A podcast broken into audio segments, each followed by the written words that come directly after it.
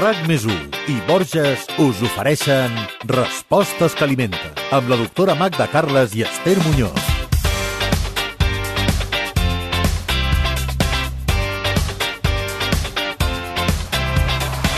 Que la climatologia influeix en la nostra fisiologia és evident. Ara que els dies ja són més curts, que hi ha menys llum i que les temperatures baixen, va bé saber com hem d'adaptar la nostra dieta. A més, a la tardor, com passa a la primavera, és fàcil tenir l'ànim una mica més baix.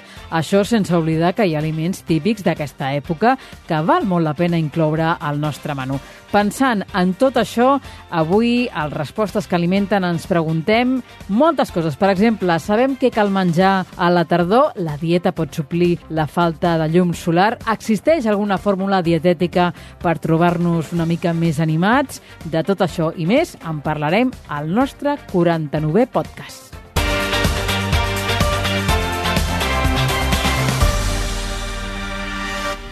Magda Carles, benvinguda. Gràcies, com estàs? Eh, avui un podcast eh, pensat perquè la tardor passi de la millor manera possible, és el nostre objectiu. Sí, sí, perquè les, les estacions ens influeixen i a vegades aquí fem una mica de baixadeta, eh? Esther, això de venir de les vacances, la rentré, tornes a la rutina, el, els dies s'escurcen i no saps per què, però ai, no? Sobretot això, no?, que de seguida es fa de nit sí. i que tenim més llum i estem més a casa també. Sí, i és un tornar a la normalitat, eh, tot ja el descans ja queda com molt lluny i és tot una altra vegada l'estrès, saps? És, bueno, hi ha persones que no li afecten, però en, en general jo sempre sento que, ostres, estic com, ai, estic cansat, estic no sé què. Els canvis climatològics ens afecten. Fem baixada, eh? Fem una sí, mica de baixada. Sí, sí. Uh, Magda, tu creus que en aquesta baixada també ens convindria adaptar la nostra alimentació a l'estació de l'any en la qual estem vivint? És a dir, que hauríem de canviar la dieta segons l'època de l'any i ara adaptar-la a la tardor? Es, evidentment que sí. Mira, si mirem receptaris de cuina de, de, de sempre, sempre hi ha hagut la cuina de cada estació. Què passa? Que com que tot està com descontrolat, ens trobem que la calor dura moltíssim, que el fred ve molt tard, és a dir, que les estacions s'han desdibuixat una mica. Però si mirem els receptaris de cuina, que la, la cultura popular a vegades és molt sàvia, veurem que hi ha una cuina del calor i una cuina del fred, i no és la mateixa, és molt, molt, molt diferent. No es menja el mateix quan tu tens calor, quan estàs suant, quan ve de gust una cosa, diguéssim, consistent, que quan també de gust un guisadet perquè fa molt fred i tu estàs a dintre casa i surts molt menys. Eh? Això des de la recepta més antiga fins a la més moderna. Hi ha unes diferències. És bo que ens adaptem a aquestes diferències climatològiques perquè, a fi de comptes, Esther, som animals i la llum del dia, la temperatura, el temps que fa, en definitiva, ens influeix. No som, no som robots, de moment. Sí, sí, ens regula, ens regula no? el cos i la, i la demanda Clar. pel que fa a nutrients. M'agradaria començar per comentar això que dèiem a la presentació, no? Eh, com ens influeix, Magda, la disminució d'hores d'irradiació solar a la nostra salut? I no només això, també la temperatura. Clar, evidentment. Mira, les hores de radiació solar el que fan és que, evidentment, un dels efectes, la, en té molts efectes, eh, la radiació solar, però un d'ells és la síntesi de vitamina D al nostre cos, que és, o sigui, la principal font de vitamina D del nostre cos ve de la radiació solar. Ja sabem que la vitamina D és una clau per l'absorció del calci, o sigui, importantíssim. Però no només eh, influeix amb això, influeix amb, la, amb el funcionament de la musculatura, amb el funcionament cardíac, amb l'estat d'ànim, i amb la immunitat i un piló de coses més. Què vol dir?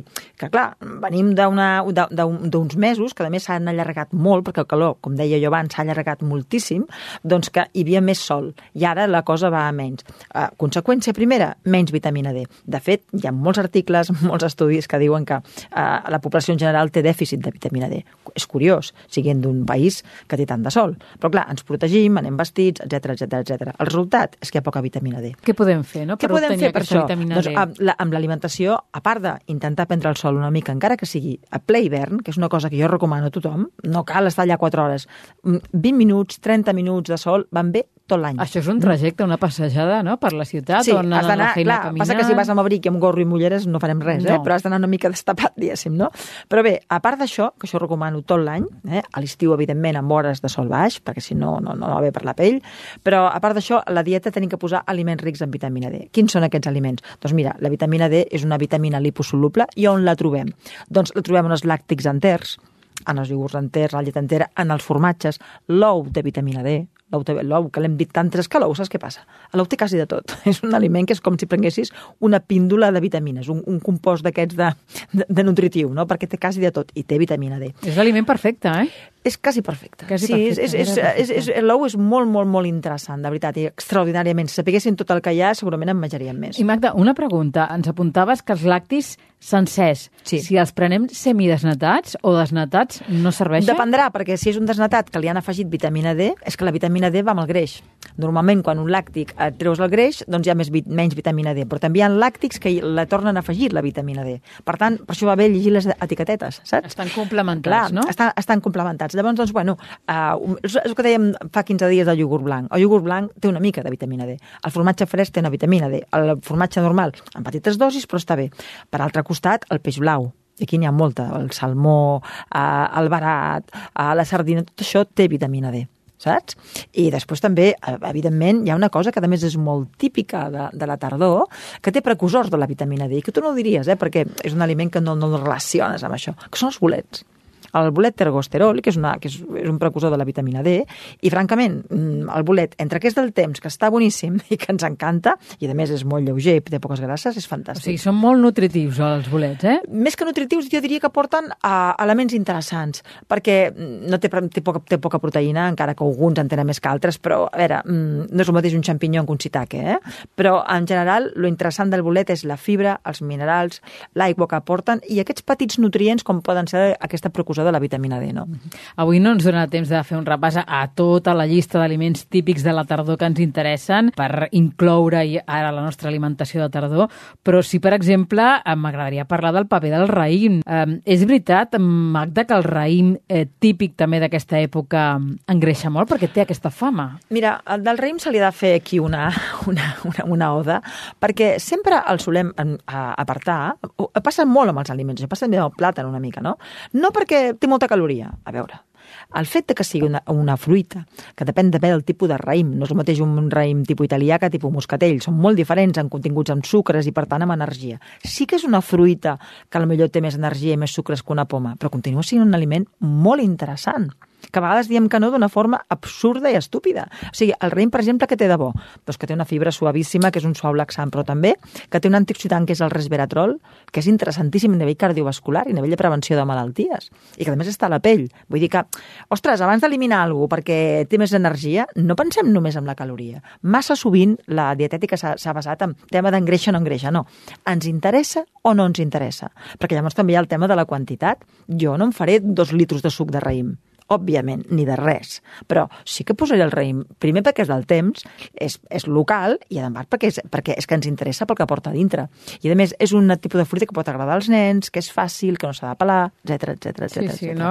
De vegades posem etiquetes als aliments De seguida. i estem cometent un greu molt error. error. Molt error, molt error, perquè no llegim la lletra petita. Només mirem, potser, les calories. És com dir l'ou és dolent perquè porta colesterol. Bueno, escolti, però en conjunt quin efecte fa aquest aliment? Ah, doncs això tenim que llegir-ho també, no? Va, anem amb un altre protagonista dels aliments de la tardor, com és aquest fruit sec, les castanyes. La castanya és que és un clàssic, és un clàssic i a més és molt europeu, és molt nostre. És un fruit sec però més tant per cent d'aigua que lo- de lo que pot ser una ametlla, una nou o una, una avellana. Però sí, podríem considerar que és un semi-semi fruit sec, no?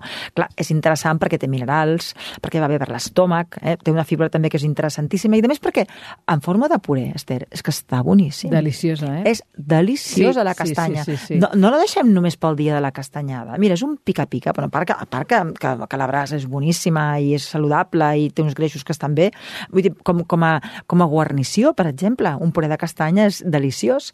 És que a vegades hi ha coses que les tenim per uns dies determinats i ens oblidem. I com a acompanyant, també. Clar, clar, com a guarnició, no? Passa que també com el boniato, que el, el fem anar amb la castanya com si fos només del dia... En fi, Del dia 31 ja està, ja està. d'octubre. El- Parlant d'aliments típics de tardor, el boniato és molt més interessant que una patata. Pensa que porta molta més provitamina A, aquell color carbassa que té, és perquè té molts més, molts més nutrients que la patata. És molt més interessant, té més vitamina C i té més provitamina A. Alimenta molt més que la patata i, escolta'm, està boníssim. Aquí tenim un titular, eh? Té més gust. El, el boniato és molt millor que la patata. Passa Millor que ens que oblidem, patata. ens oblidem, ens oblidem. També és més car, eh? Parlant I d'economia. tampoc eh, el tenim tot l'any, com passa no, amb la patata. però de veritat que val la pena, val la pena, també és una bona guarnició, eh? I en forma de puré està deliciós, també. Què la de la carbassa, carbassa? eh, que també és una mica aparenta, no? amb aquest color, que amb aquest color carbassa, és super nutritiva. O sigui, jo una, una sopa de carbassa la trobo mm, bestial de bona. És boníssima, però a part, eh, molt més nutritiva que la clàssica sopa a la crema de carbassó. Carbassó és el, el, el petitet, no? La carbassa és la, la, la, la gran, doncs porta molta més pur de vitamina A, però moltes més també, diguéssim, propietats nutritives, de molts estils, de molts antinutrients. Uh, o sigui que jo, jo penso que és important posar aquests, uh, fer cuina amb aquests ingredients importantíssim, saps? I, i no, i no limitar-nos a ser... O sigui, tenir una mica més d'imaginació. Amb el que hi ha la temporada, què podem fer? Pensem una cosa. Quina? La tardor també fa, a part de que hi hagi menys llum, que baixi la temperatura. Doncs podem fer una cuina una mica més consistent.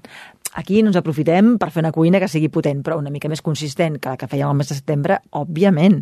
Perquè tu no sabies que l'energia del que mengem, en gran part, se'n va perquè no ens baixi la temperatura corporal. Mhm. Com aguantem el fred, si no?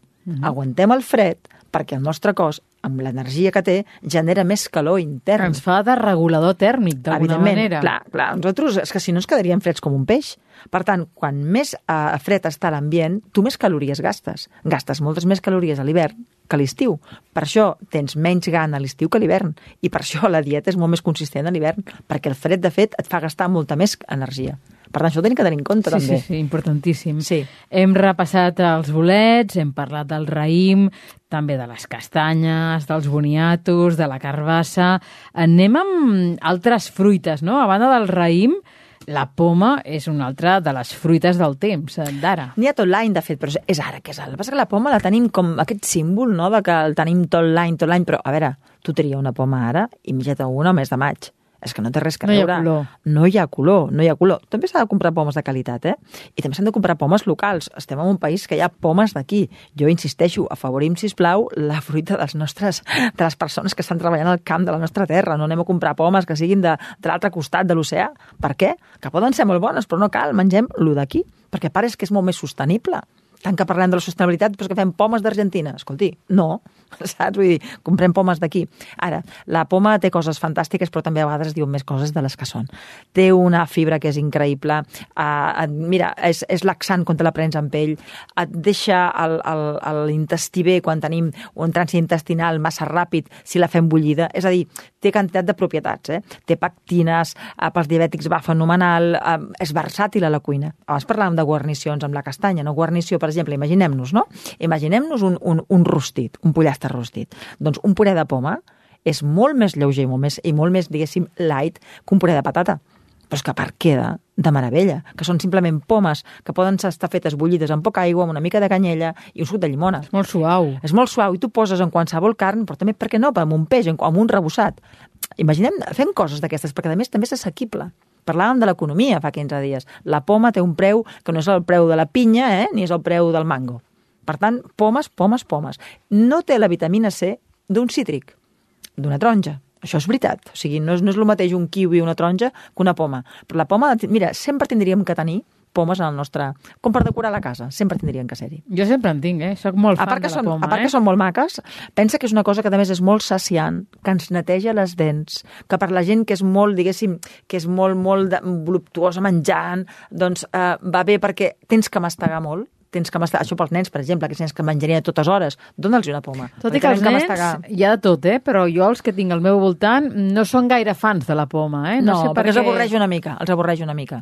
Però escolta'm, et diré una poma que no t'avorrirà. Fes una poma al forn i quan falti poc per la cocció, ja saps que s'ha de treure el cor, Sí, aquella historieta, eh? sí, sí. Uh, poses a dintre, poses un- una, una, una, un tros de xocolata, una presa de xocolata ratllada dintre la poma, mm?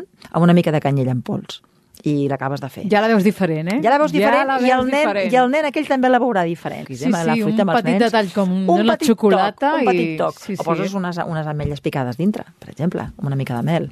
Que res, però està bé. I aquella poma ja et resulta més simpàtica. I escolta, dins de les diverses opcions de pomes que tenim, de les varietats que n'hi ha al mercat, mm, alguna que consideres que és més bona que d'altres o, o, o en aquest sentit El valor nutritiu igual? és molt, molt, molt semblant. De fet, si analitzéssim una poma, una poma i altra, les, clar, és que depèn del terreny on t'estigui on, on, t'estigui allò, procedeixi de, de quin terreny, no? perquè de les característiques del terreny, de l'aigua, etc etc, hi haurà més potasi, hi haurà més calci, hi haurà més magnesi, no hi ha dues fruites iguales de composició. Quan dic iguales vull dir exactament iguales. És que ni entre dos pomes golden, si les analitzem, tampoc seran iguales saps? No són clones, no, no, no és allò, una cosa feta no, nuclearment, no, són, són, dos, són, són dos, diguéssim, dos fruites que tenen una composició semblant però no idèntica.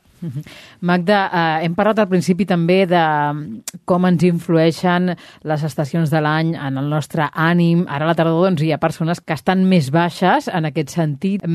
Tu què els recomanaries? No? Eh, a través de l'alimentació podem canviar també el nostre estat d'ànim en aquesta època de l'any? Ajuda, eh? El que tenim que fer és que l'alimentació no ens acabi de matxacar. Mira, està comprovat que l'índex d'incidència de, de, de, depressió i de distímies eh, són més elevades a la primavera, els canvis d'estació, la primavera i la tardor. Bé, què podem fer? Primer de tot, sobretot, evitar, evitar el sedentarisme perquè tots sabem que l'exercici és el gran aliat contra la depressió. Però també l'alimentació. Coses que tindríem que fer en quatre paraules. Evitar les dietes massa dràstiques, és a dir, la persona que té un desànim, per favor, que no em comenci a fer una dieta d'aquestes de, de només fruita, només no sé què, en fi, coses rares, perquè és que es acabarà de deprimir es acabarà de deprimir segur. Lo segon, que mengi de forma equilibrada. Que no mengi, per exemple, ara em faré vegana i tinc depressió. Cuidado Cuidado, perquè és que pots acabar de, de, de caure al pou, no? Evidentment, cuidem el ferro de la dieta.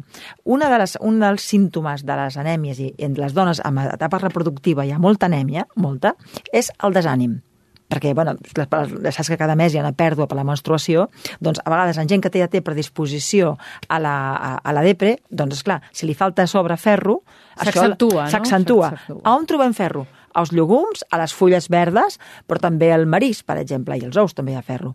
I, evidentment, a la carn. Per tant, eh, quan falta ferro, una dieta variada ens ajudarà. Això és important. Després també, siguem regulars amb les menjades. Quan jo tinc depre, no, o estic més així baixeta, no m'interessa estar 10 hores sense menjar perquè el meu índex de glucosa baixarà. I sobretot no prenem sucres ràpids perquè el sucre ràpid et dona un, una pujada que dius, ai, que bé que estic, però després ve la baixada. I no tampoc no cal recórrer l'alcohol perquè passa una mica el mateix. D'entrada dius, com em reconforta, no? com em reconforta aquesta copa de vi, però després ve la baixada. Val? Per tant, doncs, alimentació equilibrada, cuidar el nivell de, de, de, de ferro de la dieta, que sigui variada, atenció a les calories, mai fer una dieta dràstica. Si tu tens aquest baixón de tardor, si plau, no, ara no és un moment per fer un règim amb una dieta massa, diguéssim, complicada, no? I, sobretot, intentar intentar menjar als horaris regulars. Això són bons consells. Doncs escolta'm, crec que hem fet un molt bon repàs a com hauria de ser la dieta de la tardor. Però ara m'agradaria que m'expliquessis com fer un menú de tardor.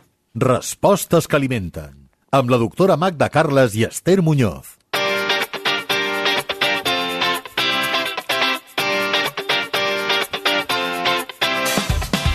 La idea seria, amb tot el que hem comentat, Exacte. això, posar-ho en pràctica elaborant un menú. Què ens recomanaries, Magda, tu? Mira, jo primer faria una crema de carbassa ho sento, però la crema de carbassa és que em fascina, ja saps. Esther, amb els trossos de carbassa que vas avanant ja tallat, tot i que és més car que si la compres entera, eh? però tu fas la, fas la crema de carbassa amb un sofregit de ceba, pum, pum, i ja està. La comprem sencera i en fem per dos cops, no? Exacte, fas crema de carbassa. Clar. Molt bé. I el segon, jo faria una carn blanca, uh, un gall d'indi, un pit de pollastre, un pollastre rostit, i això sí, al costat faria una compota de poma casolana com a guarnició, perquè això estarà boníssim. I saps què faria de, de postre? Què? Saps que hem parlat del raïm? A mi m'agrada sí? molt fer aquelles broquetes de, que és un gra de raïm, una mica de formatge fresc. Un gra de raïm, mm, una mica de formatge fresc. Saps allò que diuen els castellans? Uh, uvas i queso saben a beso? Pues ah, això. mira, no ho doncs havia sentit això, eh? Doncs sí, doncs això. Raïm i formatge blanc. És una combinació assequible i molt bona, i els més peques doncs els hi pot agradar moltíssim. Mm -hmm. I amb aquest menú vindríem a, a recapitular doncs, tots els consells que hem donat, no? Com els Exacte. resumiries tu? Si haguéssim de donar doncs mira, cinc consells de cuina de tardor, d'alimentació de tardor? Fem servir els productes de temporada i locals, augmentem una miqueta, augmentem una miqueta l'energia, l'energia, diguéssim, de, de, de la dieta perquè fa més fred. Tinguem en compte aquells consells que hem dit abans de que, perquè si, si tenim un cert desànim. Fem servir fruites d'ara mateix de, i sobretot no, no, no traiem fruites com el raïm, que són meravelloses, i aprofitem aquests, aquests vegetals que són més nutritius que els habituals, com pot ser la carbassa no? i com pot ser el boniato, que a vegades només els tenim puntualment, fem-los servir. Ara que els tenim, fem-los servir. Doncs vinga, tots a posar en pràctica els consells de la doctora Magda Carles per passar doncs, la tardor de la millor manera possible. Estic pensant que d'aquí unes setmanetes doncs, podem parlar de l'alimentació de l'hivern també, no? Quan arribi el fred més intens És a dir, encara. el que mengem amb el fred, no? Sí. Amb el fred, fred. Sí. Però abans, entremig, parlarem d'aquí 15 dies, Magda, del berenar, que també és important. Sí, i em fa venir gana, fixa't. Doncs va, eh, t'esperem en 15 dies amb la llibreta preparada per parlar d'aquest berenar. RAC més i Borges us han ofert Respostes que alimenten amb la doctora Magda Carles i Esther Muñoz.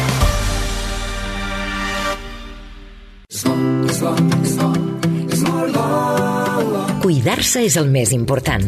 A Borges sempre et portem els productes més naturals perquè cuidem la terra que ens els ofereix i els elaborem de la manera més sostenible possible, com la nova ampolla d'oli feta en plàstic reciclat. Borges. Que bo que és